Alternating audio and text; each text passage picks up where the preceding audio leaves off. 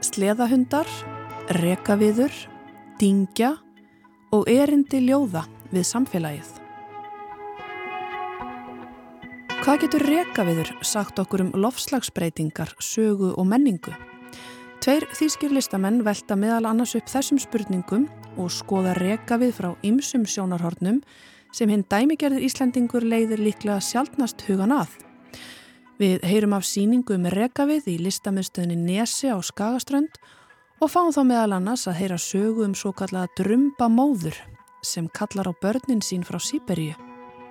Við fáum einnu pistil frá degi hjartarsinni að þessu sinni er dagur að velta fyrir sér list þörfinni og erindi ljóða við samfélagið. Er hægt að bjarga heiminum með því að sitja á raskatun og yrkja ljóð? Spurning sem að dagur velti fyrir sér í pisli dagsins. Og í viðsjá dagsins hugum við einnig að hundum. Það var nefnilega ekki manneskja sem var fyrst á söðupólinn, heldur hundur. Hunden bak á mannen eða hundurinn bak við mannin er nýtt sviðsverk sviðslistahópsins Losta, þar sem að notast er við sjónarhorn hundsins til að kafa ofan í áráttu mannsins til að vilja drottna yfir náttúrunni.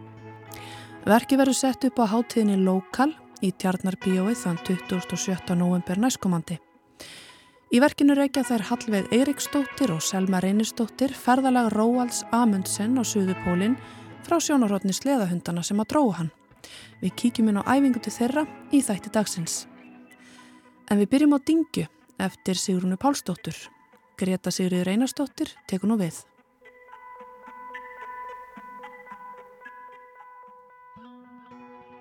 Ílt er að vera fættur kona. Svo hvað Þurriður Jónsdóttir, húsfreyja og ljósmóðir á svarfhóli í Stafólstungum á setni hluta 19. aldarinnar. Kvenréttinda baráta samtímans er ólík þeirri sem háð var á 20. öldinni og áskoranirnar eru aðrar sem betur fer. Það er öllum holdt að rifja öðru hvoru upp þar sem á undan er gengið. Ekki síst til þess að átta sig á því hversu hratt viðtegnar hugmyndir samfélagsins geta þó breyst. Dingja er þriðja skáldsaga Sigrúnar Pálsdóttur sem hlotið hefur Ímis verlun fyrir fyrir bækur sínar, nú síðast bókmentaverlun Evrópusambandsins fyrir delliferðina. Sigrún er sagfræði mentuð og fyrir bækur hennar voru byggðar á sögulegum atbyrðum. Í Dingju leitar Sigrún enn í brunn sögunar. Í þetta sinn fer hún ekki langt aftur í tíman. Sagan gerist á síðari hluta 20. aldarinnar þegar stór hluti íslensku þjóðarinnar flytur úr sveit í borg. Inn í frásögnina fljættast aðrir sögulegir atbyrðir, svo sem geimfarar frá NASA að æfa sig fyrir tunglferðina í óbyggðum Íslands, rauðsokkurreyfingin, uppbygging breyðholtsins og flugsaga Íslandinga. Aðal söguhetjan er Teddy, stelpa sem elst upp í gamla spændasamfélaginu, en líkt og einar í landi og sónum skilur hún hestin sinn eftir og flytur í þjættbílið. Hún er nokkurs konar förrest gömp breyðholtsins, rekst utan í Íslandsöguna hér og þar á leiðsinni gegnum lífið. Við kynnumst Teddy fyrst þegar bandaríkjamaður á ferðum Ísland gerir ráð fyrir að hún sé strákur. Þetta gefur taktinn fyrir söguna en hinn sérstaka Teddy sker sig úr hvar sem hún kemur og hefði sjálfsagt farnast betur hefði hún verið fættur Karl. Hæfileikar hennar liggja á raunvísindasviðinu og hinnum ævintýralega heimi flugsins, en vandamál hennar eru kvenleg. Eða öllu heldur snúað samfélagslegum hugmyndum um konur. Óvænt þungun, óvinnvittir kennarar, áslös sambúð og skortur á fjármagni og sjálfstæði gera Teddy erfitt fyrir að nýta krafta sína til fulls. Þó frásögnin hverfist um Teddy er hún merkilega fjarlag Stórir atbyrðir í lífi aðalpersonunar gerast oft utan sjónarsviðs lesanda. Við komumst að þeim í gegnum frásögn þriðja aðila eða þurfum hreinlega að lesa á milli línana. Þrátt fyrir tunglferðir, lífsháska og glæpi virkar frásögnin lástemt eins og hún raungerist ekki á síður bókarinnar heldur í kollinum á lesanda eftir að leggja hana frá sér. Þessi frásagnarmáti vekur forvitni lesandans og virkar hann í að fylla upp í eðurnar í sögunni. Þó er einnig svo að tilfinningarlegir hápuntar bókarinnar hafa ekki alltaf slagkraft sem skildi. Við fáum ekki alltaf aðganga stundinni þegar þeir gerast, heldur heyrum um þá eftir á. Blessunarlega er hvernrettinda bara átt að þessa tíma nógu fjarlag mér til þess að ég á erfitt með að átta mig á hversu nálat raunveruleikanum hún er. Stundum leið mér eins og Teddy gengi um bæin með draum um stráka lífi í vasanum en á hverju horni mætti hún vondum kalli í teiknumyndastíl sem segði henni að þetta væri ekki verið stelpur. Stutt leit á netinu leiti þó í ljós að saga Erlu Hjaltalín, fyrstu konunar sem stundaði flug hér á landi, svipar mjög til sögu Teddyjar. Það var svo ekki fyrir 1984 sem fyrsta konan var ráðin sem flugmaður hjá flugfélag Íslands. Í bókinni er gerður skýr greinarmunur á kröfunum sem gerðar eru til kvenna og karla og gjáin á milli Teddyjar og mannsins í lífi hennar sem skilur ekki aðstöðu hennar er átakanleg. Nokkrir karlar í bókinni ganga einungis undir föðunafni sem eigur enn á tilfinninguna um gjána á milli kynjana. Í upphaf hvers kaplabókarinnar eru stuttbrótur frásögn sem í fyrstu virðist óskild söguþræði bókarinnar en fljótlega verður ljóst hver tengingin er. Þessi tvískipting sögutímans þýðir að lesandin fær á afgerandi hátt að vita um afdreif sögupersonanna. Í lokin er bundin endir á söguþráðin á snirtilegan hátt svo snirtilegan raunar að ég saknaði þess að hafa ekki meiri tvíraðinni. Skýr endirinn er á skjön við óljósa frásögnina og þó hann uppvillið þörf lesandans fyrir að nýta lausa hnúta var úrlösnin full einföld fyrir minn smekk. Dingja er þroskasaga. Við fylgjum Teddy frá bernsku og fram á fullorðins ár gegnum þygt og þund. Það er ekki alltaf einfalt að halda með henni. Mótlætið er vissulega skýrt og óréttlátt en viðbröð hennar við aðstæðum eru ekki fullkomin. Það sem hún gerir, gerir hún til að lifa af í heimi sem reynir að setja hana í boks, en gjörðir hennar særa oft fólki kringum hana. Ég er mjög hrifin af ósympatískum hvern karakterum sem fara sínar eigin leiðir og tetti uppfellir þær væntingar. Dingja er ekki bara saga af konu sem langaði að læra að fljúa, heldur sagan af öllum konum á þessum tíma sem stemdu hátt en ráku sig sífælt á óáþreifanlegar hindranir. Þessi Forrest Gump breyðholtsins málar upp stærri mynd af tiltölulega nýliðnum tíma þó það gerir söguna á köplum líginni líkasta. Þetta er heitlandi frásögn af skemmtilega flóknum kvennkarakter en fjarlæðin í frásagnarstýrnum gerir söguna þó líka hálf fjarlæga á köplum og deyðir tilfinningarlega slagkraftin í hápuntum sögunar. Lástendur frásagnastýlin krefst aðtekli af lesandanum og tóms til að melda frásögnina en hún launar fyrir sig að lokum.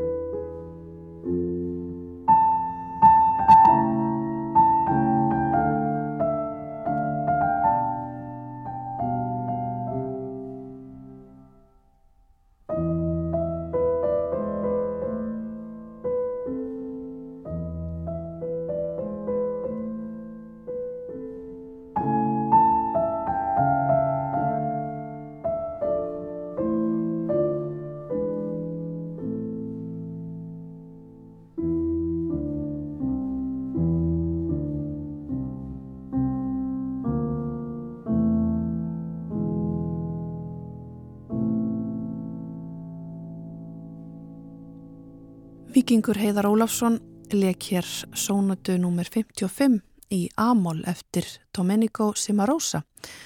En þessu upptöku er að finna á hans nýjasta disk Mozart and Contemporaries. Og rétt er að benda það að Vikingur spilar með Sinfoníljómsveit Íslands í kvöld í beitni útsendingu hér á rás 1. En eftir þessa hugljúfu tóna höldu við út í Skerjafjörð inn á æfingu Losta kollektív á sviðsverkinu Hunnen bakom mannin.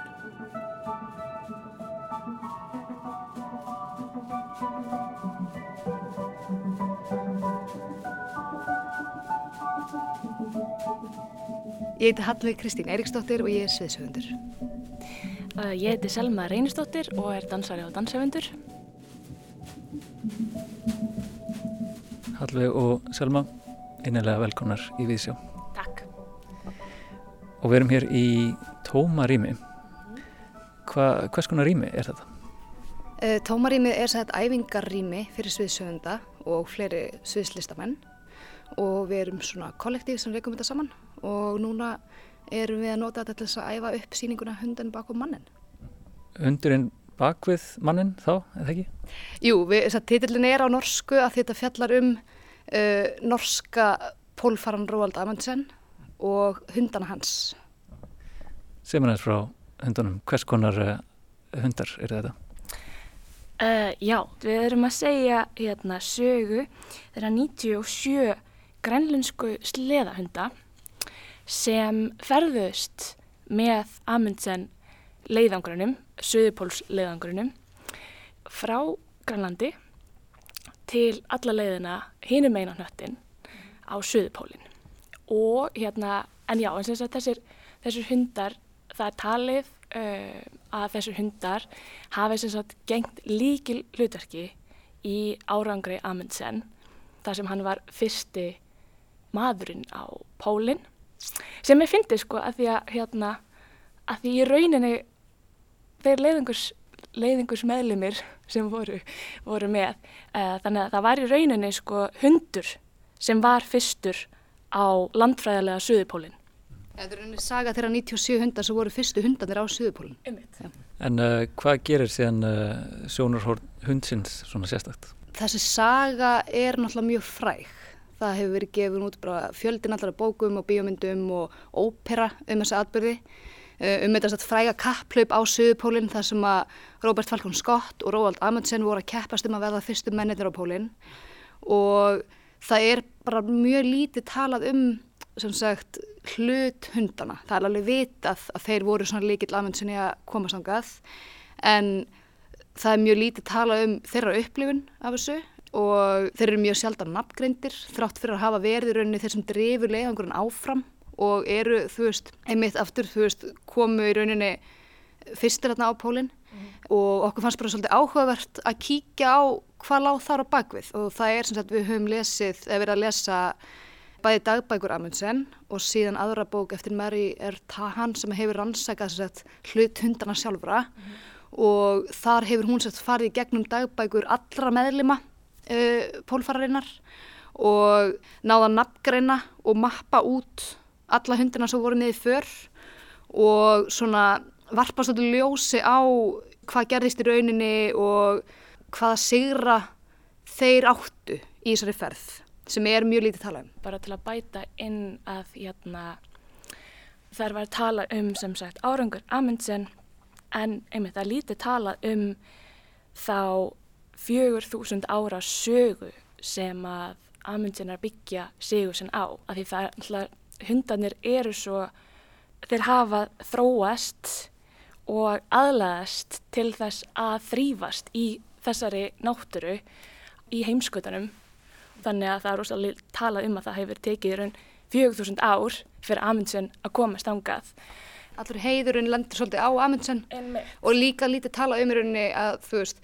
hann er að nýta sér tækni grænlendinga til þess að ferðast um pólinn sem hann svona heimsækir og pikkar upp frá þeim en, en gengur burt með svona alla fræðina í rauninni. Já, hann lærði, hann, af því hann hérna var meðlumir í öðrum Norðurpóls leiðangrum.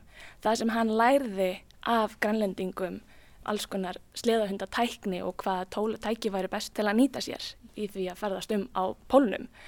En það er eitt sem er hérna, mikið veit held ég að nefna með uh, Marriott Teihan sem skrifaði um hundana.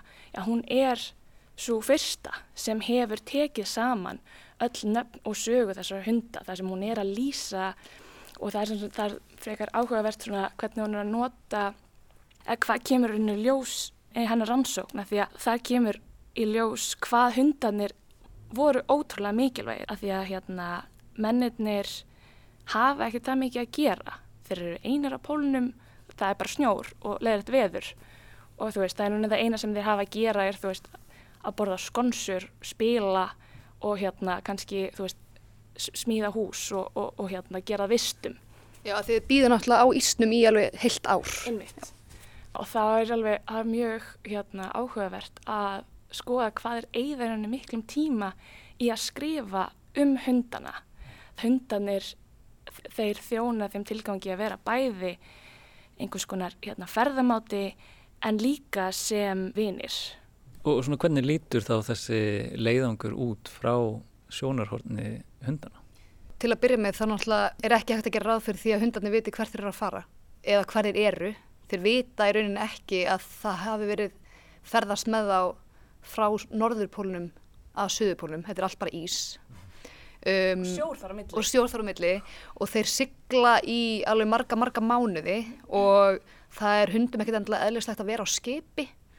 Þannig að við svona, erum svolítið að tólka þær tilfinningar sem að hundur myndi upplifa á svona langri sjóferð sem er til dæmis að hérna, sumir fá rosalega mikla sjóriðu, aðrir fá rosalega mikið sólareksem þegar þeir fara yfir miðbögg, að það er allt og heitt fyrir grænlænska sleðuhunda eh, sem hafa bara þróast til þess að, hérna, verjast kulda. Og sumir fá skýrbjúk eins og menn á, á sjó Svo er þetta bara almennt svolítið svona vannarðir, uh, þyrstur og ringlaðir á þessu skipi og hérna, já, og hérna rúla bara svolítið um þar og, og síðan hérna uh, koma þeir á nýjan pól og þeir eru náttúrulega vanir svona hardbílum aðstæðum á norðupólum en það er kaldara á söðupólum. Það er miklu öfgakendara veðrið á söðupólum þannig að þeir þurfa líka að berjast við storma þar, þeir náttúrulega sofa alltaf úti. Þannig að það er svolítið sofið í þessu verki.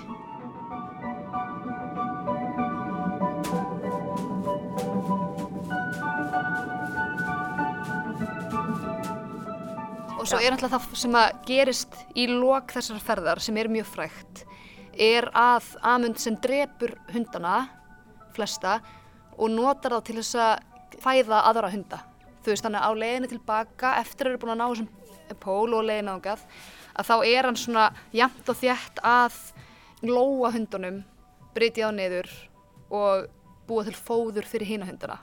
Mm -hmm og þetta er svona, hann var alveg gaggrindu fyrir þetta en þetta er líka eitthvað sem er svolítið svona tekið og svona rósa sem einhver svona sniðuðu trikki fyrir pólfara, þú veist, já bara ekki þurfa að bera of mikið mat, bara þú ert með hérna einhverja fína hunda sem maður bara geta auðvitað að borða hvernig annan Ok, Lasse! Já! Else! Já! Baldur! Já! Úranus! Hvað er Úranus? Nei Lucy! Nei Bón! Arne! Já! Ok, drýjum okkur.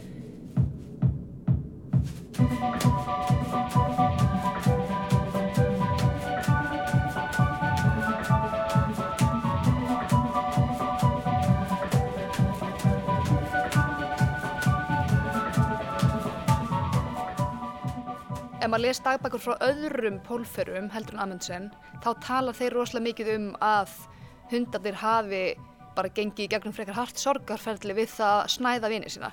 Það hljómar eins og þeir hafi ekki alveg vita af þessu og þeir hafi farið á stað að vera eitthvað hmm, það er kannski svolítið lítill matur hérna með að við hvað ætlum að vera lengi og síðan fara að koma svona í ljós hvað sé að fara að gerast. Þetta að Amundsen hafi planað að drepa hundar sem þeir náttúrulega þykir úrslega væntum núna eftir ár að því að hanga með þeim á ísbriðinu með ekkert að gera og með leika hundra. Já, og lækna þá og svona... Kennaðin trikk. Já, ummitt. Og líka þú veist, en það hundarnir hafa bjargað þeim sko ótrúlega oft af því hundar eru svo næmir fyrir, fyrir hérna jökulsprungum sem menn er náttúrulega alls ekkert næmir af því þeir heyra og hérna finna fyrir þeim. Mm.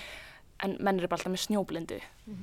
Og uh, þetta er svona, já, þá eitthvað skonar milli tegunda samkend sem þau eru að vinna með í þessu verki. Um, en hvernig eru það miðlenni svona í verkinu? Við hvað aðferðir eru það að notast?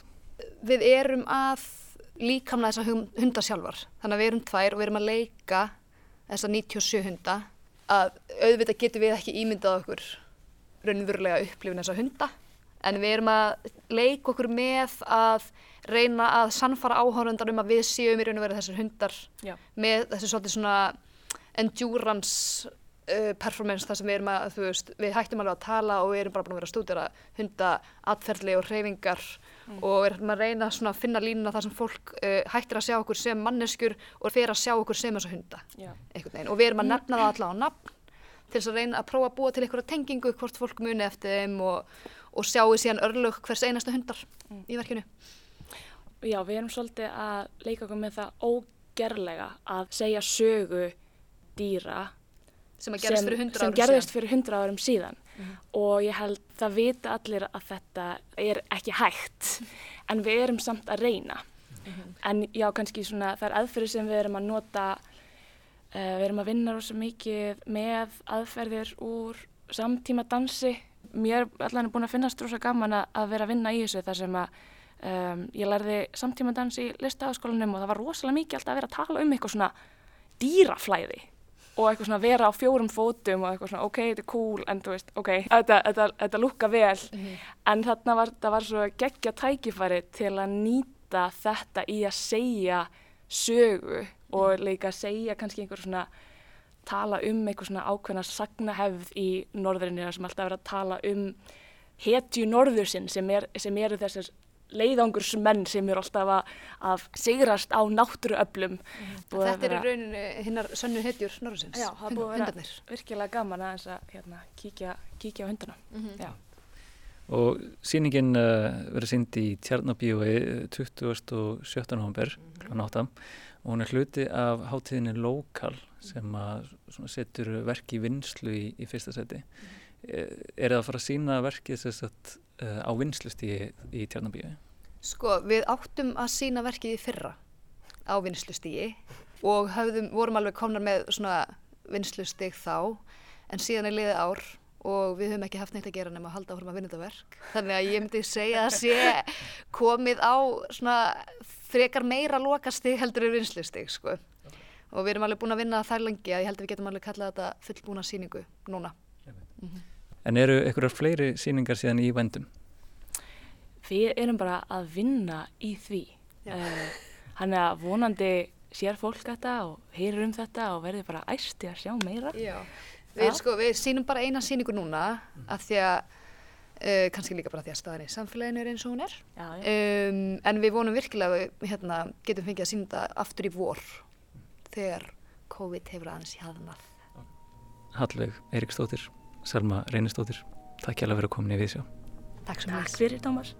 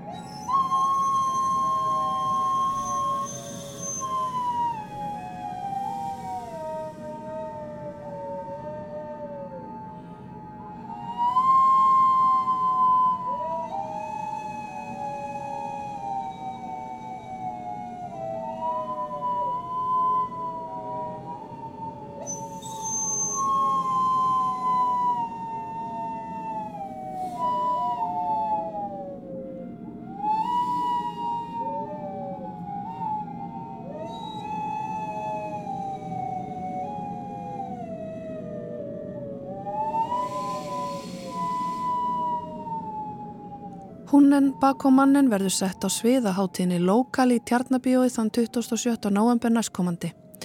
Það voru þær Hallveig Eiríksdóttir og Selma Reynistóttir sem að rætu þarna við Tómas Ævar Ólásson um verkið. Og tónlistin sem við heyrðum hér undir er eftir Eigló Höskuldsdóttur Výborg. En frá sleðahundum sem námu land á Suðurpólnum förum við yfir í vangaveltur dags hjartasónar þessa vikunar. Að þessu sinni er dagur að velta fyrir sér listþörfinni og erindi ljóðlistar við samfélagið. Er hægt að bjarga heiminum með því að sita á raskatun og yrka ljóð?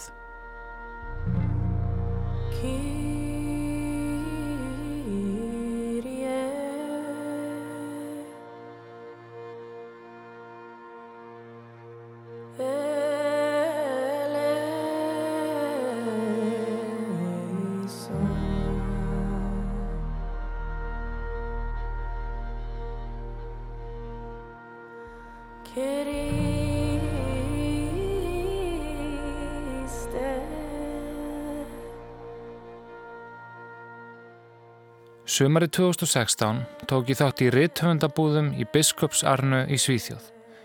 Þetta er lítil eiga í klukkutíma fjarlæði frá Stokkólmi, skójivaksinn paradís á jörðu.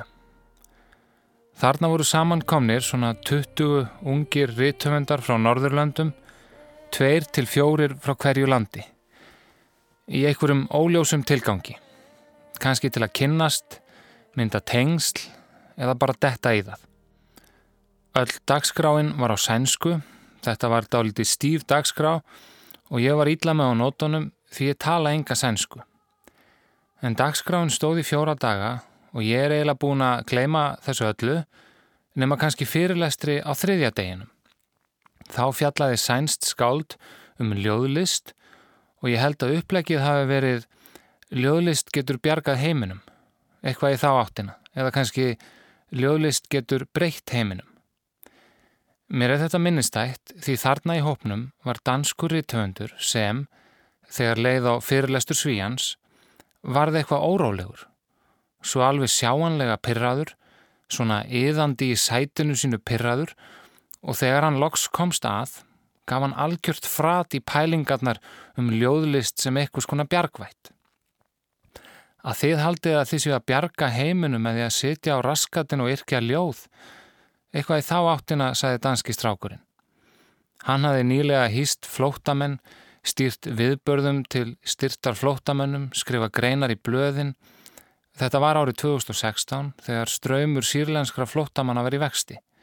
Danski strákurinn hafi hort í augun á fólki sem hafi mist allt og átti bara eftir að missa enn meira. Og hérna, á þessari paradís á jörðu, á skójivaksinni eigu í júni í 19 gráðu hita, í hægum andvaranum af skandinavískum forréttindum. Hérna þurft hann að hlusta á ekkert skáld segja að ljóðlist geti breytt eða bjargað heiminum. Í manni alveg hvort það var, eflaust hvort tvekja. Það er freistandi þegar ég skrifa þessa atbyrðar ás upp núna fimm árum setna að láta danska rithöfundin ganga út, skella á eftir sér en það gerðist ekkert svoleiðis. Dagskráin held bara áfram, allir heldu rósinni, heldu áfram að tala sænsku, á meðan ljóðlistin held áfram að breyta eða ekki breyta heiminum. Mér varð hugsa til þessa atviks núna í haust þegar ég rakst á týst frá bandariska skaldunu Daniel Rose. Hún var þá rittstjóri á litlu bókmentatímariti í Missikan í bandaríkjónum en innlegg hennar þarna á Twitter vakti talsvara aðtikli og eins og allt sem einhver eitthvað aðtikla á netinu, einnig deilur. Þetta reyndist nefnilega afdrifaríkt týst fyrir Daniel Rose, því degi setna mist hún vinnuna þarna á tímarittinu, því rittstjórnin gati ekki sætt sig við afstöðu hennar. Hvað sagði hún sem var svona umdilt og augrandi og hræðilegt? Í gróri þýðingu hljóðar týstið eitthvað með einn svona. Ég vildi óska þess að ljóðskáld varu meðvituð um að almenningur hefur engan áhuga því sem þau gera. Svo þegar við skáldin tjáum okkur, eru við raunar bara að tala við hvert annað. Blekkingin um að ljóðlist sé kraftmikið afl, leiður af sér skalega bjart sinni og er í raun aðeins sjálfsblekking skáldana. Sem sagt, ljóðlist er ekki hreyfiðafl í samfélaginu, flestum er sama um hana og hún mun svo sannlega ekki breyta heiminum. Ég verða að játa að í grunninn er ég öruglega sammála henni Daniel Rose og danska stráknum á biskupsarnu. Með öðrum orðum, ég skal trúa því að ljóðlist geti bjargað heiminum þegar ég hef séð að gerast.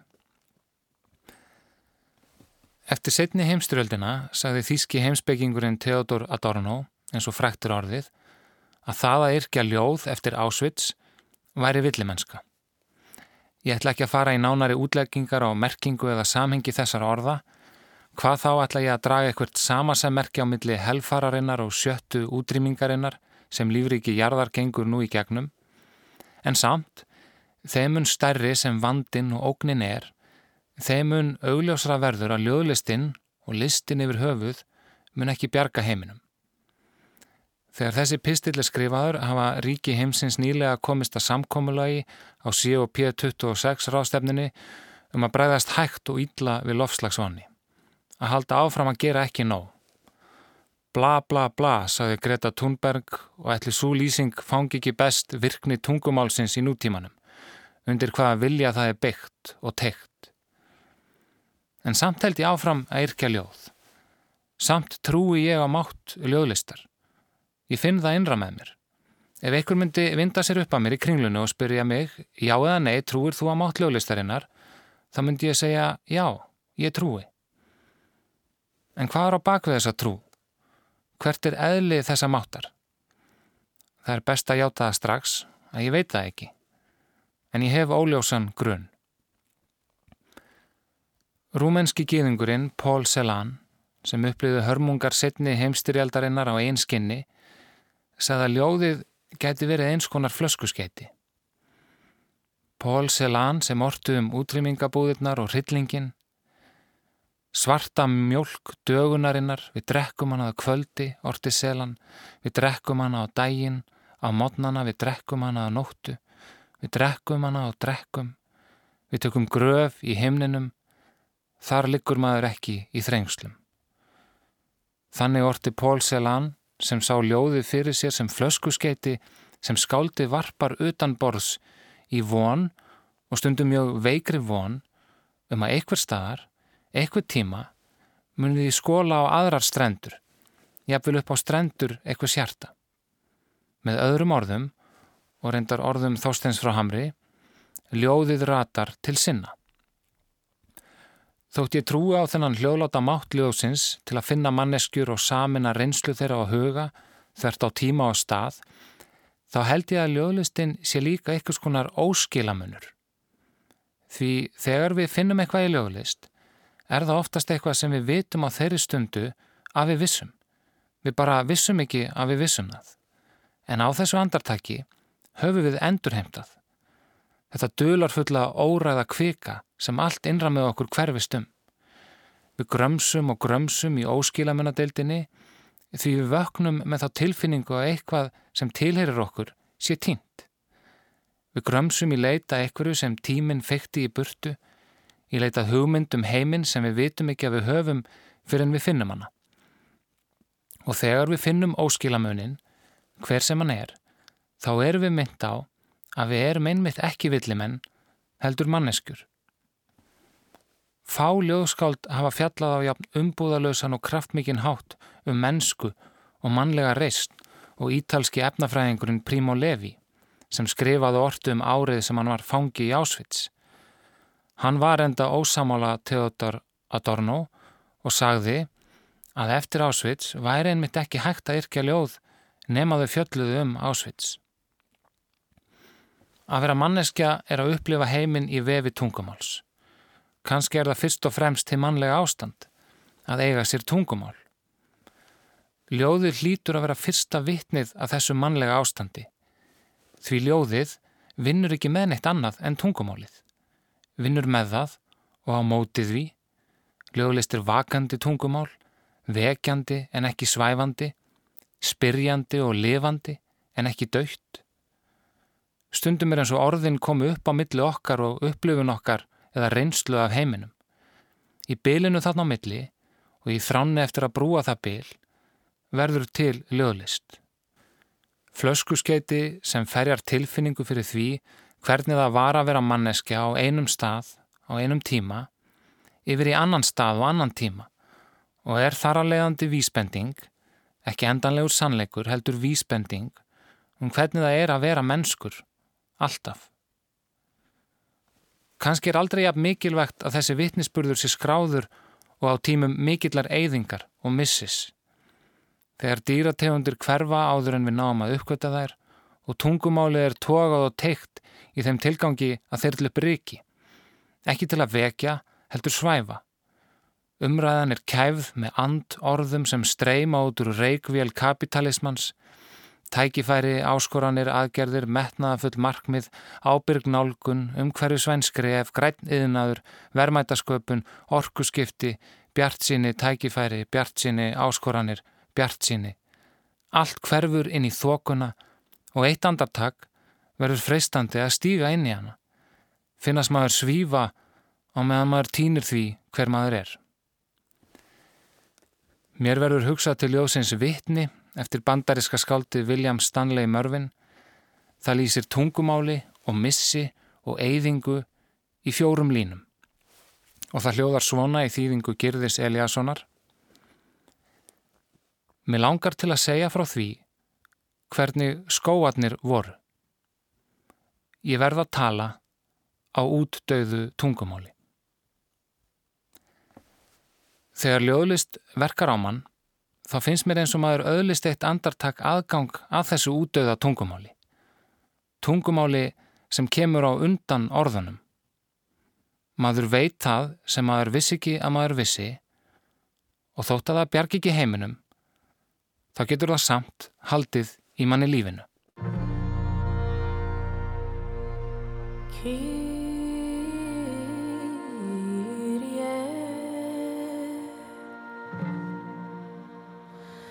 hey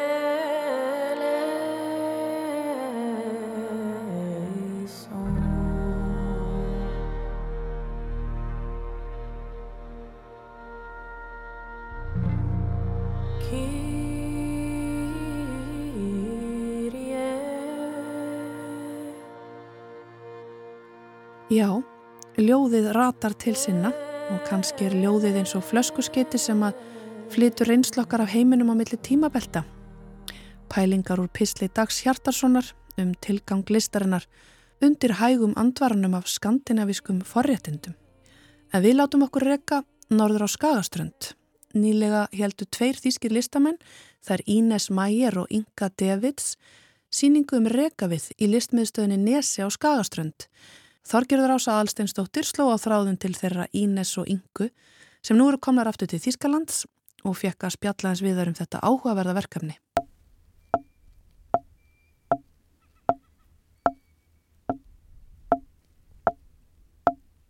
Good morning. Good morning. Nice to meet you finally. yes, nice to meet you too. Nice to meet your cat. Oh yes.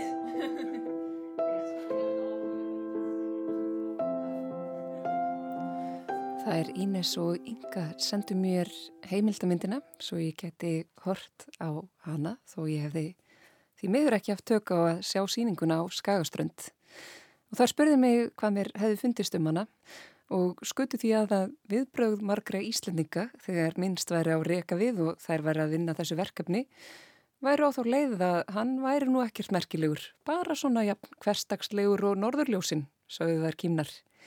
Ég svaraði því hins vegar að mér hefði fundist heilmikið spunnið í þessa mynd og margt hefði vakið áhuga minn þar sem í myndinni er velt upp ímsum hliðum rekaviðsins sem maður hefur kannski aldrei áður hugsað út í. What did you think? I, was it any, uh, anything new for you or because we talked to some Icelanders and they said, oh, yeah, yeah, we know all of this. It's, it's driftwood. It's like, it's yeah. like the Northern Lights. No, uh, but I thought it was really interesting to watch because it's, you know, something that, you know, you're really used to, but you haven't uh, thought about so much. Ég spurði þær stöllur út í listrænan bakgrunn þeirra og hvað var þess valdandi að þær dróðust inn í þetta verkefni. Í ljós kom að Ínes hafði komið nokkrum sinnum áður til Íslands en Inga fór í listamannaresidensi á Skagaströnd fyrir tveimur árum. Rekaviðurinn fangaði fljótlega af horfitni þeirra bekja. ánþess þó að þær vissu nokkuð fyrirfram um hann. Í framaldi töluðu þær við eitt listamann sem nefndi að hann hefði smá áhyggjur af því að hann væri að verða uppiskroppa með rekavið. En þá var honum bent á að það kemi nóg af rekaviði þegar hafísinn bráðnaði.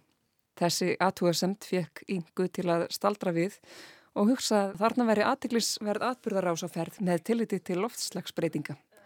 Og út frá því byrjuðu þær að þróa hugmyndina. Uh, talked to this uh, artist and he was telling us that he was a bit worried about his driftwood supply and uh, but then somebody else told him, ah, don't worry, uh, you will have enough driftwood to work on for many, many years because the, uh, the polar ice is melting and it will release all the driftwood. And then I was like, oh, this is interesting what's happening there. So, and then that's how we started uh, like the Uh, Þær fengu í framaldi styrkur loftslagsjóði og lýsa styrkveitingunni nánast eins og hún hafi dóttið af himnum ofan, en styrkurinn var þeim þó gríðarleg kvartning. Bakgrunnur Ínersar likur í landbúnaðarverkfræði eða Agricultural Engineering og hún starfaði lengi hjá fréttastofu BBC áður en hún snýri sér að heimildamindagerð. Inga bendir svo á Ínes og segir en hún er listamæðurinn. Yeah, and this is the artist, and this is the artist. Yeah, well. so, so you are the artist, and you're the documentary maker. I am yeah. the artist. Okay, okay, okay. good, good, good to clear that up. Um, no, I, I scientist. and uh, I studied photography at the uh, at the art school. Um, Inga tekur orðið og lýsir sér sem þúsundþjála smiði. Hún segir frá því að hún hafi lært ljósmyndun og lauk listnámi sínu fyrir um það byrj 13 árum. Síðan þá hefur hún starfað sem bladamadur, kvikmyndaframleðandi og auðvitað ljósmyndari. Það eru báðar í stjórn listamannasamtaka út í Þýskalandi sem nefnist Líktung og einblínir á verkefni sem tengjast umhverfinu. Þegar í ljóskoma rekaviður væri einn ángi loftslagsbreytinga skýrðist því stefna verkefnisins og þær lýsaði þannig að þær fóru þá að spyrja fólk út í rekavið og sapna sögum. Það er töluð um það hvernig einhvern veginn rati til mann sögur þegar maður einblínir á eitthvað ákveðið málefni, til dæmis loftslagsbreytingar og rekaviðurinn varð fyrir þeim að eins konar púsli sem tengdi saman allt sem þær hafðu áður unnið að. Allt í einu tengdist þetta allt, sögur allt frá Sýberju til Íslands. Somehow like it matched very well with the stories that suddenly came up because like you know, Siberia, Iceland, the way, the polar ice, the climate, afforestation, like suddenly all this, uh, all the stories were connected to this different shapes and different colors and so that was, yeah, it just worked very well together. Þetta virkaði allt mjög vel saman að hennar mati. Þær höfðu mjög gaman að því að sökka sér í þetta verkefni að þetta er komist stöðugt að einhverju nýju. Allir sem þar hittu virtust hafa ykkur að sögu að segja um rekavíð. Þær spurðu því fólk gjarnan hver væri uppáhald sagan þeirra af rekavíði og nánast allir sögðu þeim að fallega sögu. Ég spurði þá hvort þær lömuðu kannski á ykkur sögu sem ekki hefði endað með í myndinni eða síningunni.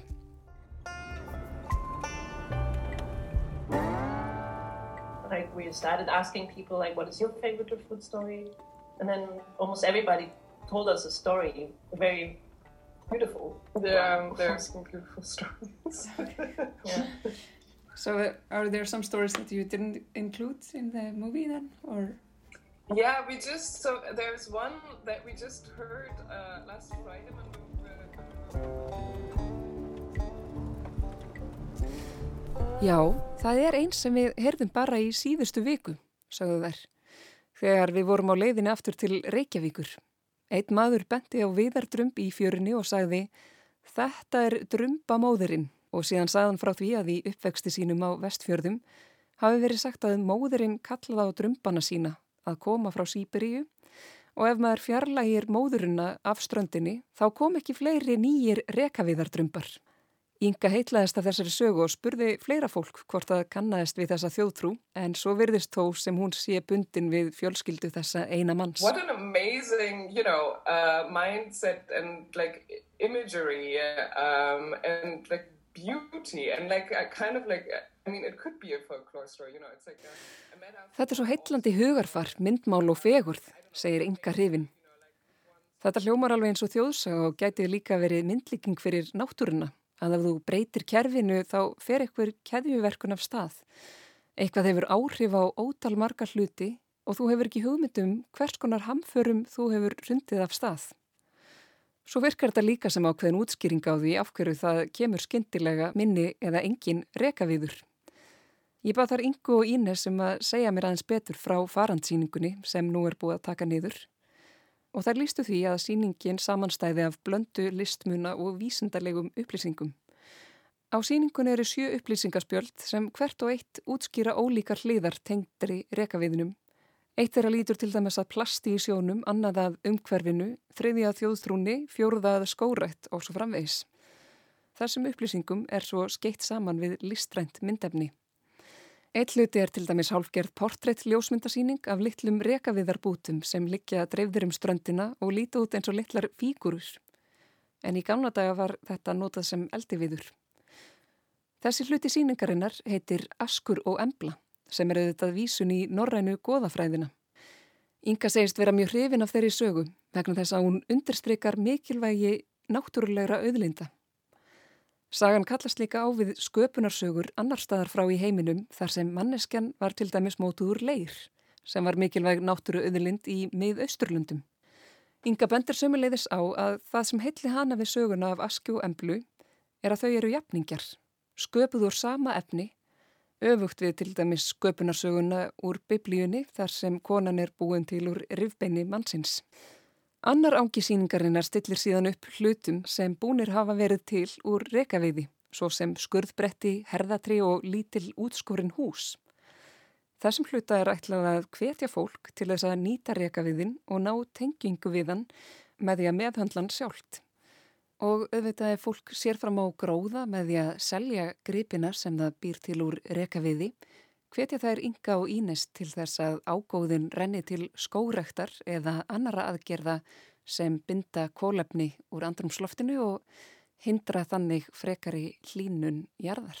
Þær vilja fara aftur á stað með síninguna strax í byrjun næsta árs og þegar hafa nokkri staðir sínt áhuga meðal annars Ísafjörður, Hólar í Hjaltadal og Egilstaðir en svo vonast þær auðvitað til þess að geta sínt hana hér í höfuborginni líka, þar sem enn fleiri hefðu kost á að sjá hana. Það er segjað að lókum skemmtilega sögu af því að þegar þær voru að taka niður síninguna, tóka þær eftir því að eitt gripur hafði bæst í sapnið.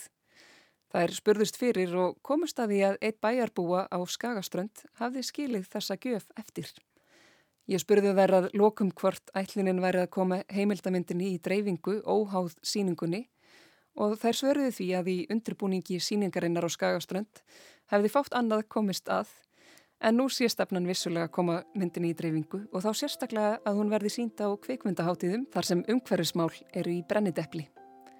Það er vonastu þetta líka til þess að myndin verði tekinn til síninga á Íslandi en þá þurftu þetta að hafa íslenskan texta þar sem flest viðtölinn fóru fram á ennsku. Það er nefndu jáfnframt að er væri að vinna í námsefni fyrir skóla og að myndin geti vel nýst í því samingi.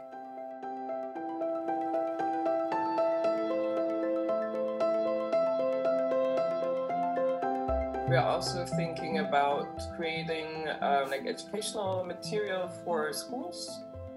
Cool. Um, and the film could be, you know, a part of that package. Um, but then, of course, yeah, so we would need um, translation.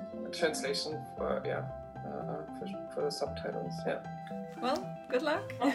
with yeah, the thank you. Have a good day. Thanks. You too. Bye.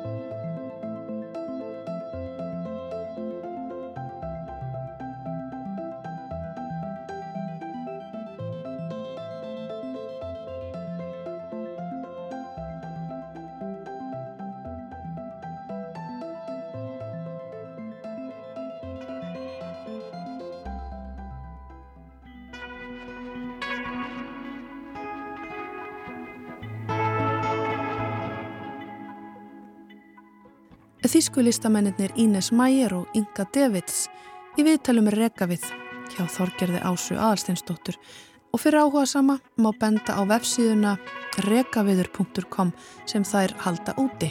En á þessum slóðum endum við þáttin í dag. Takk fyrir að hlusta og verið sæl.